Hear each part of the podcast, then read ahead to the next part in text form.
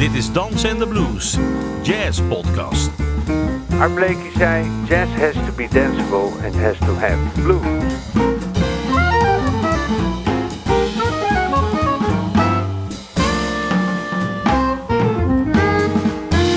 Je luistert naar een aflevering van Dansen en de Blues. Een podcast over jazz met kleurrijke gasten, indringende gesprekken, sterke verhalen en vooral swingende muziek. Mijn naam is Ben van der Dungen en vandaag spreek ik met een muzikus met een heel groot en diverse, eh, diverse muziekpraktijk, zowel in het verleden als in het heden. Een man die alom geprezen wordt door vriend en vijand. Een ongelooflijk inventieve en authentieke muzikus. De pianist Juraj Stanek. Hallo Juraj. Hoi Ben. Ik, eh, ik kwam hier tegen ze op, op het eh, conservatorium. En het mooie eigenlijk van het, eh, dat moment was dat, dat op dat moment zat je op de jong eh, talentenafdeling en studeerde je cello en was je overgeswitcht naar piano. Dat klopt, ja. Ik kan me zo voorstellen van als je dan echt goed cello speelt, weet je wel, op dat niveau dat je daar komt en dat je in één keer opnieuw moet beginnen. Dat lijkt me zo een, een dat lijkt me een hele grote berg eigenlijk. Ja. Ja, dat was het ook natuurlijk. Maar ik, ik was me daar op dat moment niet zo van bewust. Want ik, eh, ik had een soort... eh, ja, ik vond piano spelen altijd wel leuk. En, eh, maar ik vond jazzmuziek eigenlijk zo intrigerend. En ik, ik wilde zo graag dat ik... ja, dat ik eigenlijk nooit heb nagedacht van... Nou ja, wat, weet je, wat, wat moet het eindresultaat eh, eh, worden? Ehm, ik ben het gewoon gaan doen en ik had er vreselijk veel plezier in. En eh, ja. En op een gegeven moment loop je natuurlijk wel tegen aspecten aan van, van dat je ja, geen, niet echt een klassieke achtergrond hebt op het instrument. Wat ik natuurlijk met, met die cello wel had. Ja. En eh, nou ja, en dan, dan kom je ook, dan loop je natuurlijk ook tegen je tekortkomingen aan. En, eh, maar ik heb altijd geprobeerd om. Ik heb natuurlijk ook wel klassiek eh, pianoles gehad van eh, Albert Pressé. Oh jezus, ja, mooi. Ja, een fantastische leraar, moet ik zeggen. En eh, ja, die sleepte me dan wel eens door zo'n klassiek stukje heen. Ik, ik, nu ik dit zeg, besef ik trouwens ook dat... eh, wat ik heel fijn vond eh, aan, aan het spelen van jazzmuziek... en dat heb ik Henk Meutgeert ook eens horen zeggen... is dat je natuurlijk, als je iets niet kan spelen... ja, dan laat je het gewoon weg. Ja, dat is eigenlijk eh, perfect. Ja, Maar goed, het is toch, het is toch een bewonderenswaardige een, actie eigenlijk. Als je van helemaal niets op zo'n late leeftijd van, eh, van een ander instrument die sprong maakt... en dat je dan eh, zo speelt zoals je nu speelt. Ik, eh, ja. ik vind het bewonderenswaardig. Dank je, ja. Ja, is het een, een, een verdienste? Dat kun je je afvragen. Maar ik denk wel, ik heb in ieder geval altijd geprobeerd om binnen, en, en dat is misschien wel interessant, om binnen het jazz-idioom dus oefeningen te bedenken, eh, waardoor ik eh, eigenlijk als pianist vooruit eh, zou komen. Dus, dus het is, ja, het is ook een beetje, er zit een soort autodidactische eh, houding aan vast. Ja, dan groeide je op, zeg maar, te midden van allerlei pianisten om je heen. Ja, Het was een soort plaag eigenlijk, piano. Hè? Iedereen speelde eigenlijk ook hartstikke goed. Eh, Er was Ja, niet aan te ja ik had, beter, mo- ik, goed ik had beter moeten weten. Nee, het is mooi, want ik weet nog dat je gewoon eh, eigenlijk gewoon in no time was je eigenlijk in één keer eh, een van, eh, van eh, de, de meest gevraagde pianisten in Den Haag. Ja, op, op een gegeven moment ging het, ging het behoorlijk hard, ja. Maar dat kwam natuurlijk ook omdat, ik, ik weet niet hoor, dan ben je ook een soort aanstormend iets. En dan ben je opeens, eh, sta je even natuurlijk in de picture. Ja. Hè? Nou, ja, dat is mooi als je daar gebruikt. Wat zou je nou eh, wat zou je willen laten horen van, eh, als, je het, als, je, als je het over cello-muziek hebt? Nou, ik dacht, vanochtend was ik bezig met een beetje voorbereiden voor dit gesprek. En toen dacht ik opeens aan een octet van Mendelssohn, wat ik ooit gespeeld heb. En het grappige is dat, eh nou je hebt eh Quirine Vierse, ik- dat is een, eh, een bekende celliste tegenwoordig. Eh, die was toen nog heel klein en, en daar speelde ik dat stuk mee. En ook met haar zus, Saskia. En... eh, Eh, dat kwam opeens bij mij naar boven drijven. En ik vind het een heel mooi stuk. En het geeft ook een beetje weer ja, waar ik dan tot toen met die cello mee bezig was. Mendelssohn, octet. Ja, het is een dubbelkwartet is het. Het is eh, ook wel een bijzondere samenstelling van. Het Allegro Moderato en S groot van Mendelssohn.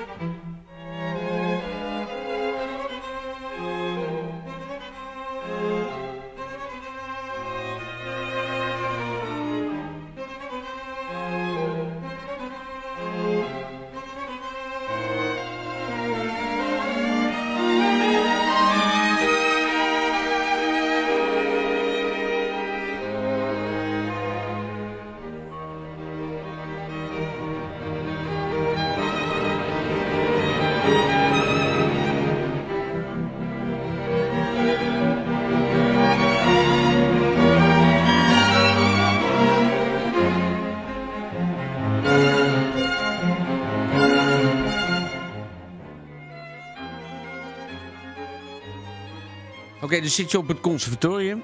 En dan heb je les van twee grootheden. Ja, Frans Elsen en Rob van Kreeveld. zeker. Als je nou die twee bekijkt, hè, dan, dan zijn dat toch wel echt totaal twee verschillende muzikale identiteiten eigenlijk. Ja, het zijn twee eh, eh, verschillende universa, zou ik bijna kunnen zeggen. Ja. Ja, de een die helemaal, eh, zeg maar, in het verlengde ligt van de jazztraditie van een bepaalde school. Ja, En de ander die een ongebreidelde eh, bak met muzikale informatie heeft... waar die eh, ja, moeiteloos uit schijnt te, te putten en te combineren. ja. Hoe werkt dat dan? Nou ja, ik kan me nog wel herinneren dat ik had eh, eigenlijk als eerste leraar had ik Rob van Kreeveld. En ik, ja, ik begon eigenlijk natuurlijk met piano spelen en ook met, met ja, om, om jazzmuziek tot mij te nemen, om het zo maar te zeggen. Ja? En Rob, ja, die, die speelde dan eh, eh, klassieke intro's. En, en ja, die ging helemaal tekeer op die, op die vleugel. En ik begreep er eerlijk gezegd helemaal niks van. maar ik vond het toch heel intrigerend. En gek genoeg is pas veel later is dat wat hij allemaal deed, dat kon ik een plek geven. Frans Elsen was natuurlijk een, eh, ja, iemand die zich bezighield met eh, voornamelijk bebop muziek. En, en ja, vast omlijnd binnen die traditie. Ehm, had hij heel veel te melden. En Rob van Kreeveld was eigenlijk een, eh, eh, een pianist ja, die, die putte uit een klassiek repertoire en ja, zijn eigen vindingen. Dus misschien het verschil tussen iemand die heel cerebraal bezig was, Frans, niet, niet puur cerebraal, want eh, eh, hè, hij had natuurlijk ook emotie in zijn muziek. Ja. Eh, en iemand die dus heel intuïtief met muziek bezig was en dat ook op een intuïtieve wijze overbracht. Rob van Kreeveld. ja. Maar dat is eigenlijk een cadeautje. Als je die twee met Ja. elkaar kan combineren. Absoluut. Ik ken ze natuurlijk ook allebei een beetje. Maar wat, wat ik me dan afvraag is... eh, eh, dat, dat is dan eh, over de muzikale informatie... maar dan heb je ook nog een persoonlijk contact met die mensen. Ik Ja. bedoel, Rob lijkt me een, een moeilijk benaderbaar... in zijn zeg maar, sociale contact of, of een soort muzikale vriendschap. En, Ja, en Francie had natuurlijk een soort... Ja, een soort, een soort psychologisch overwicht nodig over zijn studenten. Ja dat was. eh, ik denk dat heel veel van zijn studenten daar nog onder lijden. ja, dat denk ik ook wel. En eh, eh, ja, dat, dat hoorde bij Frans. Die, die, die, die, die, en, en ook misschien wel bij die tijd. Ja. Ehm, inderdaad, wat je zegt, Frans, daar ging ik mij naar de kroeg, zullen we maar zeggen. En, en Rob van Kreeveld, ja, daar, die vertelde dan moppen. Ja. Ik herinner me opeens nog een mop. Eh, wat is een, eh, een hond met een bril op in het Frans? Een opticien. Ja, hij heeft altijd van die... Altijd van die moppen dat je... Ja, Ja, heel onschuldig, maar toch heel leuk. ja, ja, maar als je dan, eh, dan loop je op in Den Haag, hè, die tijd, die ken ik heel goed. Dat is eigenlijk best wel een soort van, van vrije tijd hè, qua, qua, qua mu- muziek, in- maar in het, in het curriculum toch wel vrij gericht. Ja. En waar luister je dan zelf naar? Waar ben je dan zelf mee bezig? Nou ja, ik, eh, wat ik ontzettend eh, bijzonder vind als ik terugkijk... dat was dat ik met eh, medestudenten... dat we echt luistersessies hadden bij, bij elkaar. Dus ik kwam een keer bij jou thuis en dan zette je Bob Burke op... met Cedar Walton of zo. Of een keer bij eh, mijn buren en eh, dan luisterde je naar, eh, naar Coltrane, Crescent. Of, dus het was een heel, ja echt, ik denk dat ik in die, in die studententijd heb ik echt nou, gigantisch veel platen en opnames en radioopnames en ook live dingen heb ik zitten beluisteren met, met, met al mijn vrienden. En ik had ja, Italiaanse medestudenten, die hadden dan weer andere platen die ze mooi vonden, weet je. En ja, ik kan zo eh, honderd eh, opnames opnoemen die, die, die nog in mijn systeem zitten, die ik nog steeds helemaal te gek vind. Nou, noem er eens een. Nou, bijvoorbeeld Listen to Art Farmer with the Oliver Nelson eh, Orchestra. Oké. Dat is een relatief onbekende plaat, maar eh, ja, dat is zo mooi, vind Maar ik. ik ken, ik ken je ook als iemand die altijd toch wel een soort hang had naar, eh, naar bands die, eh, die zeg maar eh, buiten het, het, het akoestische eh, concept eh. Klopt. Nou ja, ik was een groot en dan ben ik nog steeds eh, Weather Report fan. Ah, ja. En, eh, en eigenlijk tijdens mijn studie, eh cello-studie, toen luisterde ik al naar, eh, eh, naar Joe Zawinul's eh, muziek en Weather Report. Het is een soort, voor mij, het is eigenlijk een soort de perfecte wereldmuziek voor mij. Ik vind heel veel wereldmuziek, vind ik... eh, eh, la- daar ga, dat, die uitspraak ga ik nu niet, niet doen, maar da- daar kun je vraagtekens bij, bij zetten. ja, ja, ja, omdat, omdat bepaalde dingen misschien gewoon niet werken, voor mijn gevoel. Nee. Uh, maar bij Weather Report dacht ik van ja, dit, is, dit, dit is, zit zo goed in elkaar. En die composities vond ik zo uh, pakkend. En de grooves, dat heeft me gefascineerd. Maar dat het werkt, dat zou toch, denk ik, toch wel liggen als je naar Jozef Samuel ook zijn, zijn weet je, met Syndicate. Ja. Het is toch altijd gewoon geënt op, op, op de groove. Ja, helemaal. En dat is ook iets wat ik. Uh, ik heb het idee dat, dat in deze tijd uh, groove en, en swing. dat dat op de achtergrond begint uh, te raken. En dat is voor mij toch een, een heel essentieel iets. wat de feeling of jazz behelst. Ja, dat is eigenlijk dus het, het, het, het zwarte element. Waar je het uh, eigenlijk over hebt. Uh, nou ja, inderdaad. Het, ik, ik, als, ik, als ik terugkijk naar mijn uh, luistergeschiedenis, dan luisterde ik met heel veel plezier naar zwarte muzici. Ja, en, en ik, ik, weet nog ook dat, dat wij samen speelden met, met Brand New Orleans. Ja. Dat je gelijk dikke maten werd met Lange Willem. Eigenlijk dat je uh, altijd toch wel vrij. Ge, Hij was zo groot, ik was natuurlijk een beetje bang van hem. Nee, nee maar je uh, gebier, muzikale verwantschap eigenlijk. Ook dat je gelijk geïntrigeerd werd. Door die, ja, nou, maar ik sta wel open voor. kijk, Willem, die, die, die heeft natuurlijk dat Afrikaanse. of die, ja, die, die had allemaal tapejes van, van muziek die hij had zelf had opgenomen ja. op, op reis in Afrika. Ja, dat vond ik super fascinerend. Ja, heel leuk. Ja. En dat hoor ik trouwens ook, die Afrikaanse uh, invloeden, die hoor je dus natuurlijk terug in Weather Report en bij Joe Zawinul. Ja, helemaal. Waar gaan we naar luisteren? Wat wil je laten horen? Uh, Corner Pocket.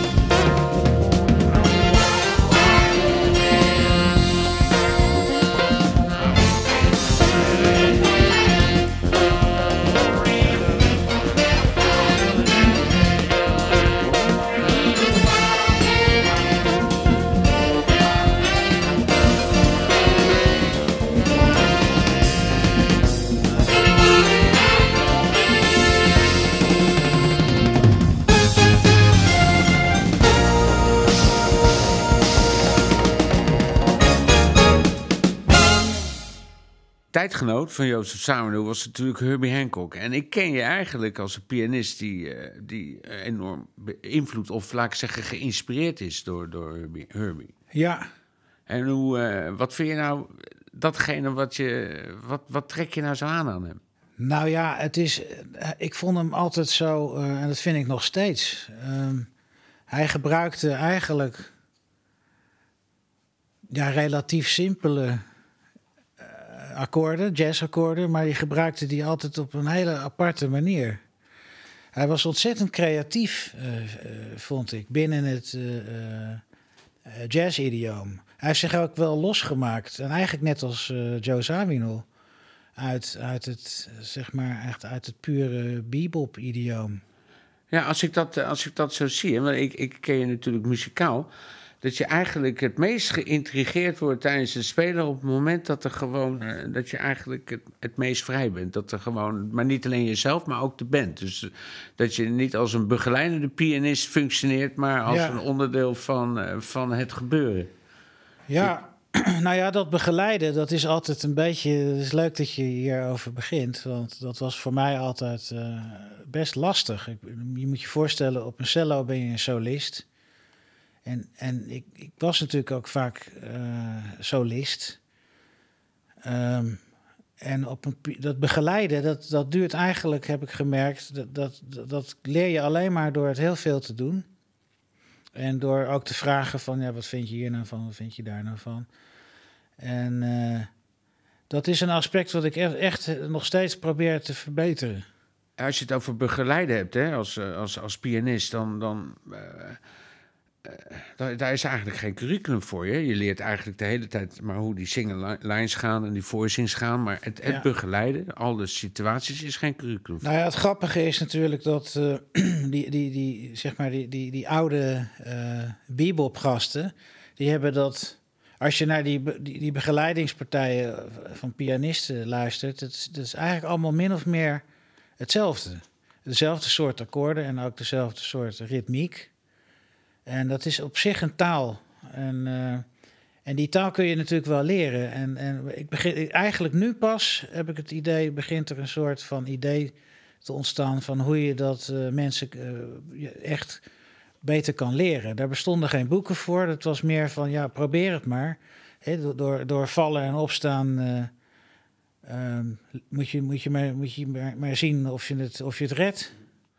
Maar als je dat dan, uh, als je teruggeleidt naar Herbie Hancock, wat je, wat je zo integreert in hem, ja. dan, dan, dan, dan, is het eigenlijk die creativiteit in het begeleiden. Wat eigenlijk een soort dialoog creëert met, met de solist. Nou ja, dat hangt een beetje van de, van de opname af waar, waar je het over hebt. Maar bijvoorbeeld met uh, My Funny Valentine, hè, die, die plaat met Miles Davis, is die dialoog, is, vind, ik, vind ik prachtig. En zoiets had ik nog nooit gehoord. Hè, dat, dat Miles een frase speelt en dat, dat daar een antwoord op komt. Uh, en dat is natuurlijk toch iets anders. Zeg maar dat, dat een, een piano meer ook een, een soort van uh, ja, dialoog aangaat met, uh, met solisten. Dat, dat had je in de bebop eigenlijk niet zo. Want daar, was, daar had je gewoon de rhythmsectie, die had een begeleidende functie. En een een toeteraar, om het maar eens eventjes... Ja. nee, dus, zo, zo zie ik mezelf ook, hoor, overigens. Die, die speelde dan gewoon de solo daaroverheen. En, en, en, en, en de, de taak van de rhythmsectie was natuurlijk om een soort carpet... Hè, ja, carpeting ja, ja, noemden ze dat ook. Een soort tapijt neer te leggen.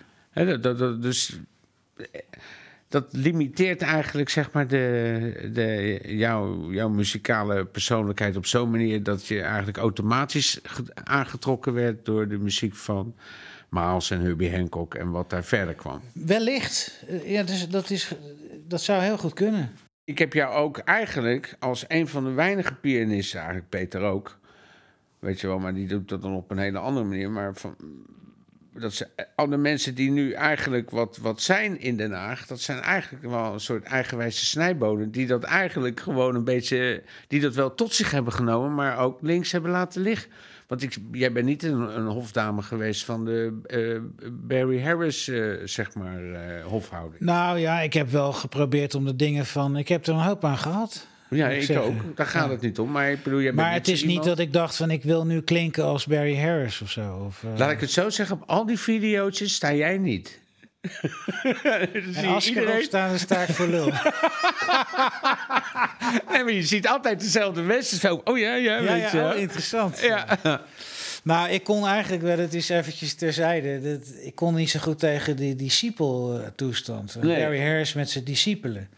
En dan moest je gaan staan vechten om eh, ook een plekje bij de piano. Rot op, weet je wel. Ik heb er geen zin in. dus heel vaak dacht ik van, nou, weet je wel, eh, ik ga weer in een hoek zitten. En, ik, eh, en het moest allemaal heel snel en ik was er veel te langzaam voor. Ik kon dat, als ik dan thuis was en ik ging dat uitzoeken, dan, dan trok ik het wel, weet je wel. Maar op zo'n moment raakte ik helemaal van slag, joh. Een, een ladder hier en een ladder daar en een akkoord zus. Ik, veel te langzaam voor. ja, mooi. eh, ja. ja, ik begrijp het wel. Die, eh, ik heb eigenlijk ook altijd een beetje die soort ambivalenteheid in zo'n... Aan de ene kant ben je gewoon een superfan van die gasten... en aan de andere kant eh, kan je ook niet wachten totdat je vadermoord pleegt, zeg maar. Ja, precies. Hè? Het is een soort Dubbel. raar... Ja, een hele dubbel. Ja, maar ik vind het wel... Een, een- het heeft wel met het verhaal te maken. Want anders zou je die interesse ook niet hebben in Herbie Hancock. Ja. Eigenlijk. Dat is heel logisch Nou ja, de- kijk, Herbie Hancock, iedereen was gek op Herbie Hancock. Weet je wel? Hij heeft, het was natuurlijk ook nog eens een keer een, eh, eh, een man die precies wist eh, op het juiste moment hoe hij zich in de kijker kon spelen. Ja, zeker. Hè, en hij stond aan het begin van de ontwikkelingen met, eh, met elektronica.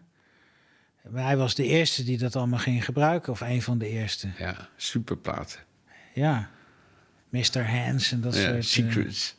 secrets. en, Eh Headhunters. Headhunters, ja. Op het moment speel je met Ak Verrooy. hè? Ak Verrooy, dat is een trompetist die net de Boy Edgar prijs heeft gewonnen. En Ja. daar heb je een duo mee. Klopt. Ik heb een stukje gezien eh, bij de Boy Edgar prijsuitreiking. En eh, als je het over dialoog hebt, dan vind ik jullie wel, eh, wel een heel bijzonder duo eigenlijk. Ja, het is inderdaad. Ik denk dat Ak in Ak die komt natuurlijk ook. die, die is nu op, een bepaalde leeftijd. Hij vindt het zelf altijd heel vervelend als ik, eh, als ik een, een, eh, een leeftijd eh, geef. Maar ja, hij, hij zoekt natuurlijk ergens ook een soort ehm, verbinding met, met de muziek die hij vroeger speelde. Dus en ik denk dat ik dat daar, daar ook wel. Hij hoort in mijn spel ook dingen die hij die, fijn vindt. Die geworteld zijn in de, in de, in de jazz-traditie. Maar tegelijkertijd heb ik ook ja, meer ja, modernere aspecten in mijn spel. En ook in mijn manier van begeleiden. En, en ik denk dat. En het is ook zo dat bij, bij ARC dat je toch heel vaak, eh, en dat bedoel ik niet vervelend, maar heel vaak dezelfde stukjes speelt. Ja. En eigenlijk is dat bij hem altijd, vind ik het helemaal niet erg. Want het, het gaat toch altijd wel weer een, een, een kant op. En dat je denkt, hé, hey, eh, ja, Ik vind het mooi, want als ik, eh, als ik jullie zo luister, dan hoor ik ook twee mensen met een, met een heel eigen vocabulaire eigenlijk. Dat, dat Ak heeft natuurlijk, die, je hoort, die jazztraditie hoor je natuurlijk helemaal, maar het is echt een eigen vocabulaire. Het is echt een eigen manier van spelen. En dat heb je eigenlijk ook een beetje. ja, En dat komt dan heel mooi samen. Ja, toch is ja, het, het had ook net zo goed helemaal niet kunnen werken. Maar ik denk dat het, ja, dat zijn van die, van die magische eh, dingen in het leven. Dat sommige dingen eh, gelukkig eh, ook eens een keer werken. En, en leeftijd, als je, daar had je het net over. Maar hij is 90, maar jij bent echt wel vele generaties jonger dan hem. Is, dat speelt dat geen rol? Nou, ja, ik heb mijn hele leven met, met, met, ja, met God en iedereen gespeeld. eh, van, van, van jong tot oud. En in jazzmuziek, zoals ik het eh, heb beleefd, maakt de leeftijd eigenlijk. eh, eh, speelt leeftijd eigenlijk geen rol. Nee, zoals Miles met Tony Williams. Ja, Ja, en ja, dat, dat is een. Ik denk dat dat ook misschien wel een uniek aspect is van het spelen van, van jazzmuziek. Dat weet ik niet. Misschien dat het in andere vormen Hé, dat als je, je hebt natuurlijk strijkkwartetten die al eh, 80 jaar bestaan of zo. Maar Nou, ik denk wel dat het un- iets unieks ik denk is dat het wel, ja, een, een soort geaccepteerd. eh als iemand kan spelen, dan, eh, dan, dan is, het, Ja. is het goed. Het is eigenlijk community muziek. Ja, Iedereen hoort erbij. Alleen je moet mee kunnen doen aan het, aan het proces. Zeg ik merk dat je hier al eens eh, eerder over nagedacht hebt. Nou, ik, ik, eh, ik pleit graag voor het feit dat, dat jazzmuziek een soort muzikaal gedrag is. Weet je wel? En niet een soort genre. eh, Muzikaal wangedrag, nee.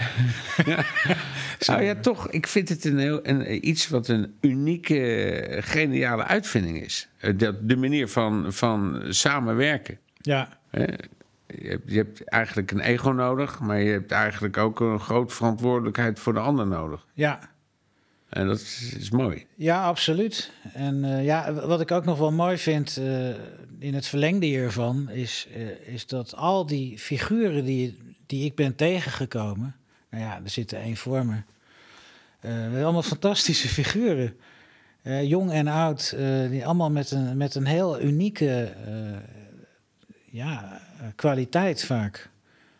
Dat zijn niet eh, doorsnee eh, mensen. En, en dat, dat, eh, dat vind ik ook een heel leuk. hè, je weet eigenlijk nooit wat je te wachten staat. Maar we gaan, we gaan luisteren naar dat, dat stukje wat, van, van de Boy Edgar prijsuitreiking. My One and Only Love. Met jou en Oh ja. Ak.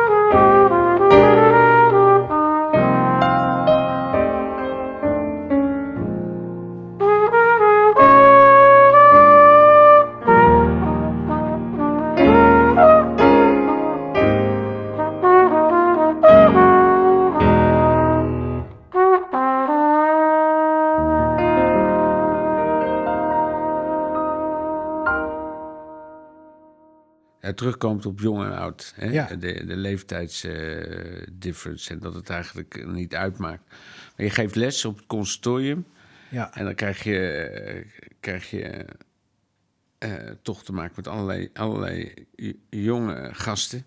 En Ja. die hebben een, eh, toch een andere muzikale wens op het moment dan dat jij studeerde, neem ik aan. Ja, nou ja, wat, wat ik een verschil vind, is dat, daar hebben we het al eerder over gehad, dat, dat ik heb echt eh, gewoon eh, ja, duizend eh, platen beluisterd van verschillende muzici. En altijd ook met een open mind, denk ik. Dus ik vind Schofield vind ik net zo intrigerend als, als Art Farmer of... Joe Zawinul, daar kan ik net zo van genieten als, als, als, een, of van, als Hank Jones bijvoorbeeld. Ja. Met eh, Joe Lovano of zo, weet je wel.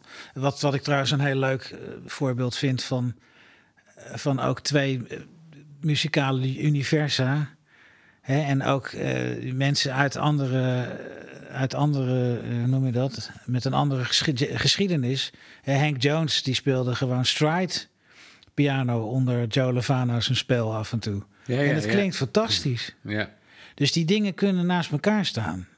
En dat, dat vind ik eh, ehm, misschien in de instelling van studenten van tegenwoordig... vind ik zo merkwaardig dat ze allemaal één figuur eruit pikken. En dat is dan altijd een of ander eh, Berkeley megatalent... Met, eh, die al drie keer het Rachmaninoff pianoconcert heeft Ja. uitgevoerd in Carnegie Hall. ja. Weet je, en dan proberen ze dus dat, dat, die, dat onmogelijke, dat proberen ze helemaal uit te pluizen. En eh, daar willen ze dan een kloon van zijn. Maar ik heb, ik heb de indruk dat je daar eh, met zo'n instelling dat je een hoop mist. Ja, die hele. Het is eigenlijk. Je, je studeert op een kunstopleiding. En dat niemand bij het idee komt dat je allemaal naar hetzelfde luistert en allemaal hetzelfde ambieert. Dat is toch min of meer eigenlijk eh, verdacht, vind ik. Ja, dat nou, nou moet ik opeens een beetje denken aan een soort eh, eh, gesprek in, het- in het verleden tussen. eh, hoe, hoe heet het nou?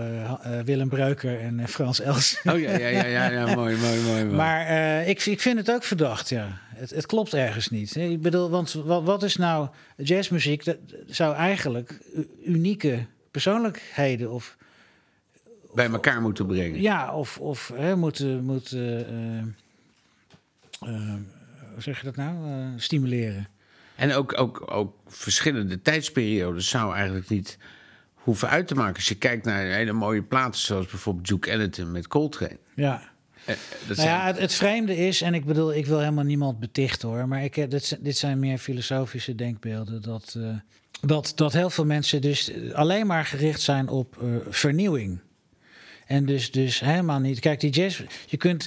Die jazzhistorie kun je natuurlijk bekijken als een. eh, Als je dat vergelijkt met, eh, met, met eh, ontwikkeling in klassieke muziek, is, is, is de ontwikkeling van jazzmuziek is, is natuurlijk helemaal niks. Dat is een soort eh, speldenprikje in tijd. ja.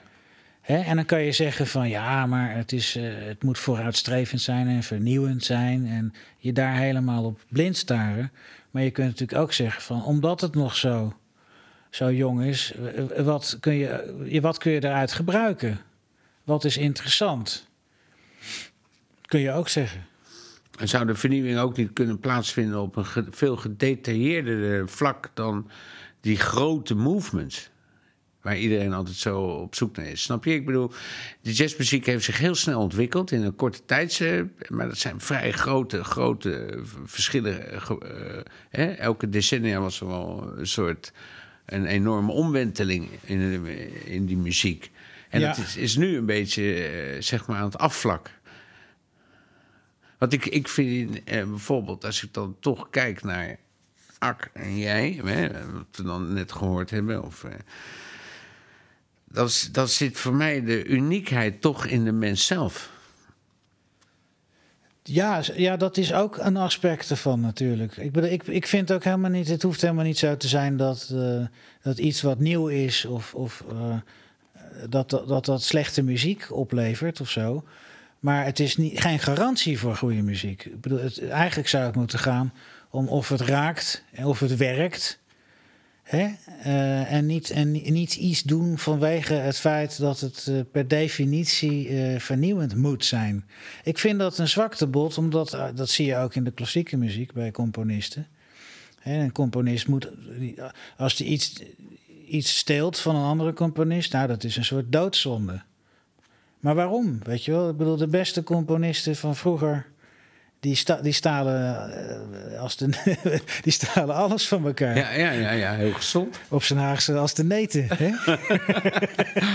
Als de pleuris. Als de pleuris, ja. Hey, je gaat een stukje eh, eh, solo spelen. Een Ja. aantal stukjes. Eh, nou, ik, eh, ik nodig je uit achter die vleugel. Je, je moet maar zelf eh, die stukjes... eh, eh, het is totaal improvies, dus je moet ze zelf maar even aankondigen. Dat is goed. Thank you.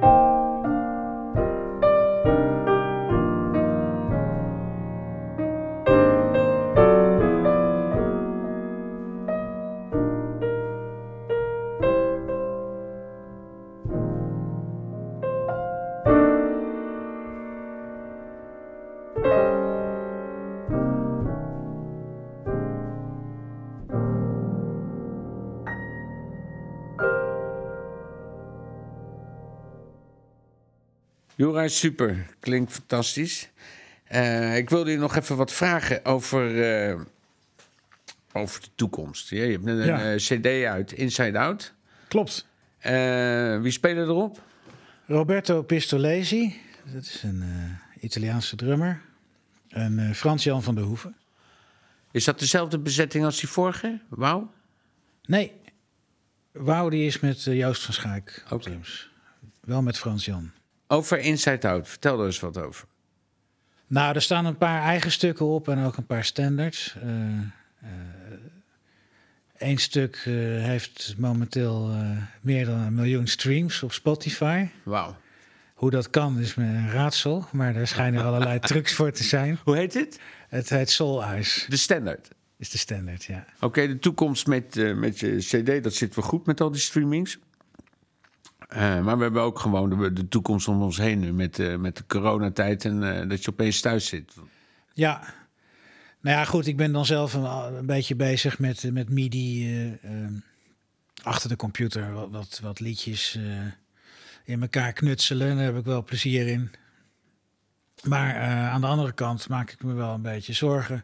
Niet zozeer voor mezelf, want ja, eh, in het verleden heb ik heel veel mogelijkheden gehad om voor, voor mensen te spelen in cafeetjes en in zalen en eh, ja, noem maar op. Uh, maar voor de generatie die, die na mij komt, ja, lijkt, lijkt de toekomst lastig, om het zo maar te zeggen. Wat zou je ze willen meegeven? Nou ja, het is in ieder geval, vind ik, het, het, het aspect van samenspelen en ook het spelen voor een publiek is natuurlijk iets wat je, ja, dat, het spelen voor publiek mag je denk ik niet uit het uh, artistieke proces snijden. Nee. Het gekke is dat natuurlijk, en dat zal voor jou ook zo zijn, dat je, je bent op een gegeven moment, ja, wij spelen beide al zoveel voor publiek, dat je natuurlijk die interactie, dat is gewoon een onderdeel van je bestaan. En dat hoort gewoon bij muziek maken. En als dat opeens er niet is, ja, dat voelt ontzettend leeg. En, uh, en, het voelt ook echt alsof er iets heel essentieels uh, weggesneden is, zeg maar.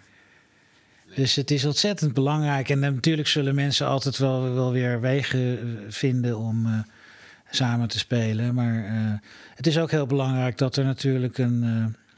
Uh, dat er gezien wordt dat, dat, dat er een, een hele gro grote groep mensen is die nu eigenlijk gewoon. die volgens mij niet echt gezien wordt. die die, die ja, eigenlijk helemaal niks kunnen op dit moment. Als je het hebt over live optreden. Nou, hebben wij misschien, uh, uh, ben, je, ben je opgegroeid muzikaal in een soort peri periode dat, dat er eigenlijk gewoon een, een, uh, een grotere expressiemogelijkheid was, zeg maar in de vorm van, van dat je overal terecht kon.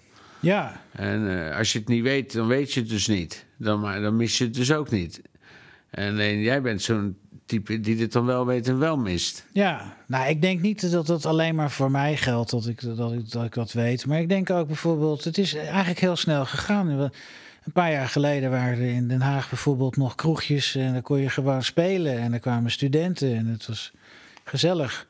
Ja, het is maar de vraag of dat soort uh, plekken, of dat nog terugkomt. Ik denk dat, dat het merendeel van mensen eerlijk gezegd gewoon niet beseft wat, hoe belangrijk het is, is dat er...